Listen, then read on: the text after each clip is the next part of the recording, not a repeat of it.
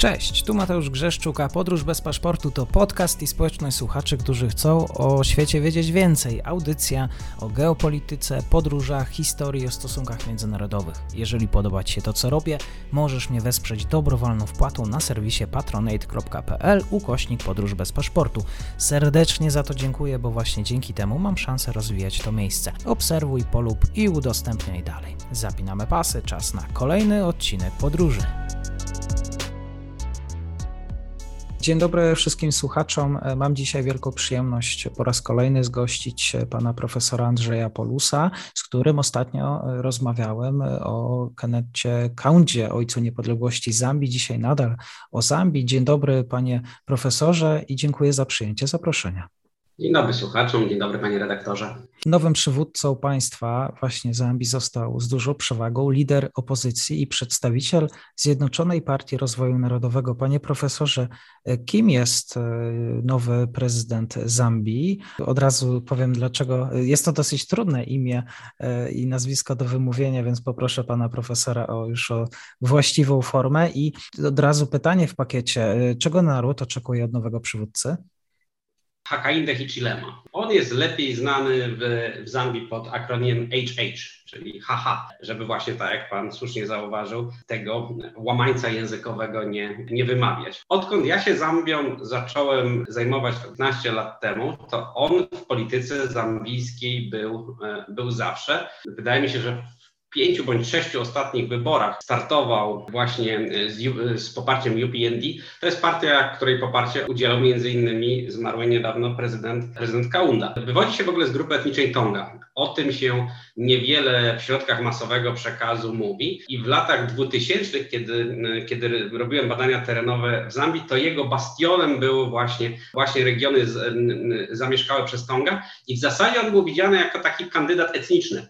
I on szedł do wyborów właśnie kontestując. Zambia jest bardzo wieloetnicznym krajem. Kenneth Kaunda stworzył sieć e, patronażu, bardzo ostrożnie przydzielał pozycję w państwie i pozycję w armii reprezentantom różnych e, grup etnicznych, ale na początku Ślema właśnie zauważył, że Tonga są w administracji państwowej nie tak reprezentowani, jak być powinni i on był przez całą zambijską scenę polityczną widziany jako, jako właśnie kandydat budujący swoje poparcie na bazie, na bazie etnicznej. Później stworzył się taka koalicja partii opozycyjnych, on był wspólnym kandydatem opozycyjnym w poprzednich wyborach, które obserwatorzy międzynarodowi uznali za, e, za no, nie, nie, nie, do końca, nie do końca mm, prawidłowo przeprowadzone. On przegrał z e, Lungu niewielką, e, niewielką liczbą głosów i kontestował permanentnie wynik tych wyborów.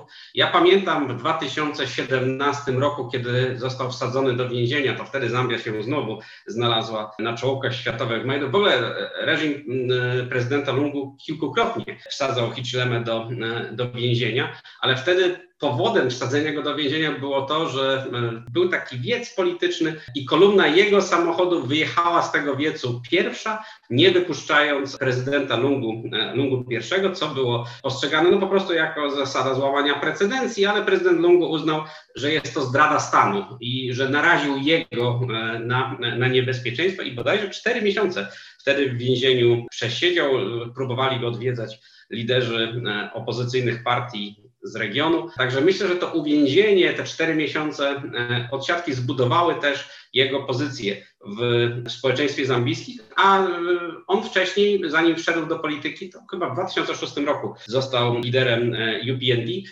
On pracował w międzynarodowych korporacjach doradczych, w PricewaterhouseCoopers i chyba tam był, tam był CEO na, na i właśnie z tej sfery biznesu E, ma też dość znaczny majątek, właśnie wynikający z jego, z jego działalności biznesowej, co ma zapewnić mu brak podatności na, na korupcję. W takim telegraficznym skrócie to nowy prezydent Zambii i głównymi wyzwaniami, które dzisiaj stoją przed Hakainde Hichilemą jest zdławienie inflacji, mówimy już o 25% inflacji i w sferze makro zrobienie czegokolwiek z zambijskim długiem zagranicznym. Relacja długu do PKB wynosi ponad 130%. Te dane też nie są pewne, bo tak naprawdę nie wiemy, ile dokładnie Zambijczycy są winni, są winni Chinom. Zambia jest pierwszym państwem afrykańskim w dobie COVID-u, które ogłosiło bankructwo. Chyba z Dominikiem Kopińskim rozmawiali Państwo na, mhm. na antenie na ten, na ten temat. No i to bankructwo też jest niezwykle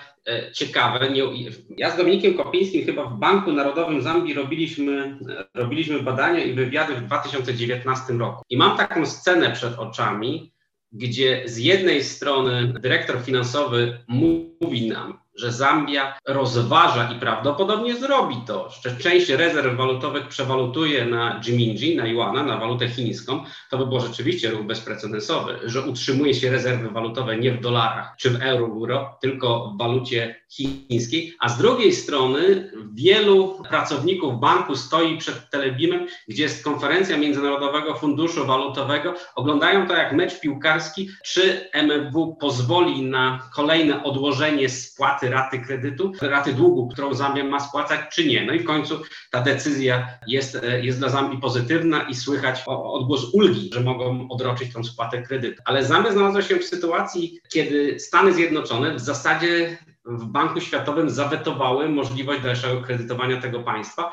bo nie wierzyły, że Zambijczycy przeznaczą pieniądze, które byłyby im dane na spłatę długu, tylko obawiano się, że po prostu zostaną one przekazane Chińczykom na kolejne projekty infrastrukturalne, bądź na spłatę długu chińskiego, a Chińczycy również stanęli o koni i powiedzieli, że Zambijczycy najpierw muszą spłacić część swojego długu, a dopiero oni później będą rozmawiać o restrukturyzacji. Czyli taka negatywna konstelacja międzynarodowa relacji amerykańsko-chińskich odbiła się na Zambii, a prawdą jest także to, że prezydent Lungu no, pożyczał na, na potęgę, gdzie tylko było to możliwe, co było związane no, ze spadającymi cenami miedzi, a miedź jest głównym towarem eksportowym, e, głównym towarem eksportowym Zambii. Więc restrukturyzacja długu międzynarodowego, sprawienie, żeby Zambia znowu stała się miejscem, gdzie kapitał zagraniczny będzie chciał inwestować pieniądze, to i walka z bezrobociem wśród ludzi młodych. To jest bardzo łatwe do powiedzenia, to jest slogan, ale, e, ale to jest to, czego społeczeństwo zambijskie mhm. E, od nowego prezydenta oczekuje. W swoim e, przemówieniu też e, Hichilema podziękował swojemu właściwie poprzednikowi za te płynne przejście do jego administracji że tutaj nie, nie chodziło o przekazanie władzy, ale przekazanie takiego przywództwa. Powiedział też, że liczył na to, że demokracja jest dogłos do zrobienia dla Zambii właśnie, dla mieszkańców Afryki i świata. Panie profesorze, demokracja jest do zrobienia w Afryce i akurat w tym regionie świata? Myślę, że w Zambii tak, że tam nie ma innej drogi niż rządy, niż rządy demokratyczne. Prawdą jest z drugiej strony, że model no, developmental state, nazywamy go w dyskursie politologicznym, inspirowany państwami Azji Południowo-Wschodniej, szczególnie e, Singapurem, państw jednopartyjnych, ograniczonej demokracji, czegoś, co nazwalibyśmy tendencjami autorytarnymi, ma pewną przewagę, jeśli chodzi o, o kwestie rozwojowe, bo wówczas można podejmować nie do końca popularne decyzje krótkofalowe, które będą się łączyły no, z, z jakimiś negatywnymi skutkami społecznymi, ale długofalowo ten rozwój jest planowany.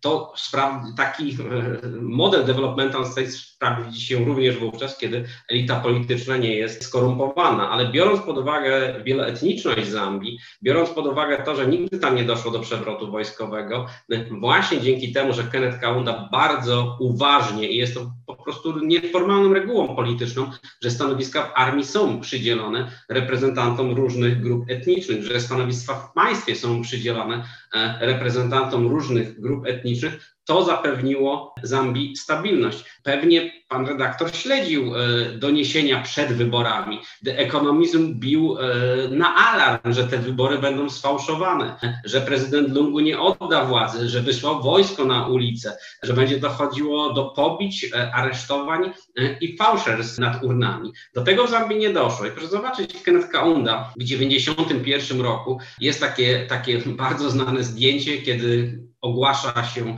e, wynik wyborów. Kaunda, który stworzył no, neopatrymonialny, jednopartyjny system, gdzie on stał w centrum, miał pod sobą armię, miał pod sobą wszystkie e, środki przymusu, samodzielnie ściąga proporcje prezydenckie ze swojej limuzyny, przekazuje nowemu prezydentowi Chilubie i odjeżdża. Odsunięcie MMD, wtedy w Kaundę e, Movement for Multiparty Democracy odsunął od władzy, w 2001 roku również odbywa się się w sposób, w sposób pokojowy. I przy tak ogromnej większości głosów, jaką Hichilema uzyskał, no bardzo trudno by było w społeczeństwie zapanować nad, nad, nad niepokojami społecznymi w mhm. Zambii. Uniwersytet Kapsztacki robił sondaż wyborczy, to był naj, naj, najszerszy sondaż wyborczy przeprowadzony w, przed wyborami z Zambii i wychodziło z niego, że Hichilema może uzyskać 51% głosów i ta różnica będzie relatywnie łatwa do sfałszowania tego jednego, jednego procenta, bo w Zambii mamy zasadę the first past the post kto mhm. uzyska 50% plus jeden zostaje e, prezydentem, ewentualnie mamy, mamy drugą turę. No do tego nie doszło. Do tego e, nie doszło, bo ta różnica była tak duża, że te wybory były niemożliwe do, e, mhm. niemożliwe do sfałszowania. Także no, wprawdzie prezydent Lungu odgraża się, że dochodziło do nieprawidłowości, że będzie kontestował ten wynik wyborów, ale raczej nie jest to możliwe i, i Hichilema będzie, będzie rządził Zambią przez najbliższe 5 lat. Mhm. Demokracja pozostała, tylko mała zmiana. Tym razem Hichilema wypuścił wypuścił setki balonów. To jest chyba ta zmiana co do ostatniej inauguracji, kiedy używano gołębie, ale chyba te gołębie odmówiły lotu podczas y, ostatnich wydarzeń. To, no tak, tak. Tylko się, tylko się mogę, mogę zgodzić, że ten wymiar performatywny tutaj był, no był inny. Zambia ma nowego prezydenta, prezydenta, który twierdzi, że i głosi, że nikt nie powinien chodzić spać głodny. O tym, e, jakie nadzieje mieszkańcy Zambii wiążą, obywatele Zambii wiążą z nowym prezydentem, mówił pan profesor Andrzej Polus z Instytutu Studiów Międzynarodowych Uniwersytetu Wrocławskiego. Bardzo dziękuję. Dziękuję bardzo.